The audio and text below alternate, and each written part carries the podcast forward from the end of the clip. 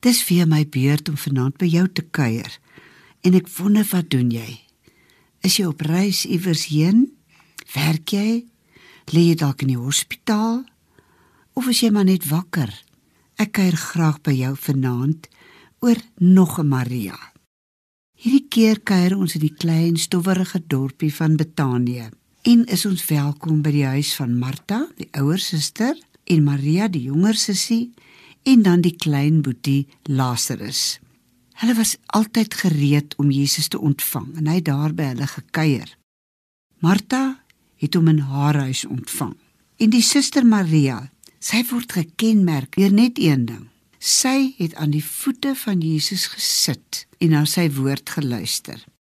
Ek is seker sy het daarom voor die tyd voor Jesus gekom het ook gehelp om die kos voor te berei, om die vertrekke uit te vee, om die tuin dalk bietjie netjies te maak.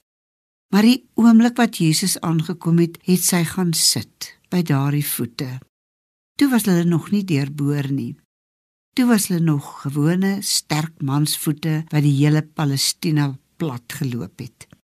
Ons sien haar waar sy daar sit nie 'n woord van haar nie, net oë gekonsentreer op die man wat sy met haar hele hart liefgehad het, Jesus Christus. En sy het haar siel oorgegee aan hom vir alle ewigheid.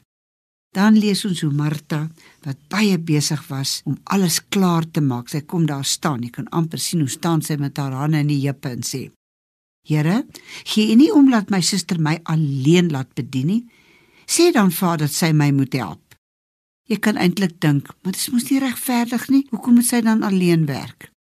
Ek glo Maria het voor die tyd gehelp. Want dan is dit dan Jesus wat kom, die een wat sy so innig liefhet. En sy klaar gehelp, maar nie ekstra gedoen soos Martha nie. Martha wou dalk Jesus beïndruk met hoe hard sy werk.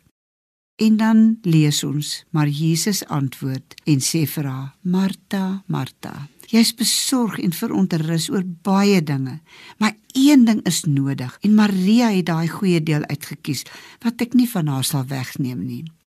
Kom ons vat hande hier oor die lig en ons bid saam. Here, daar's iemand wat vanaand luister wat dalk baie moeg is.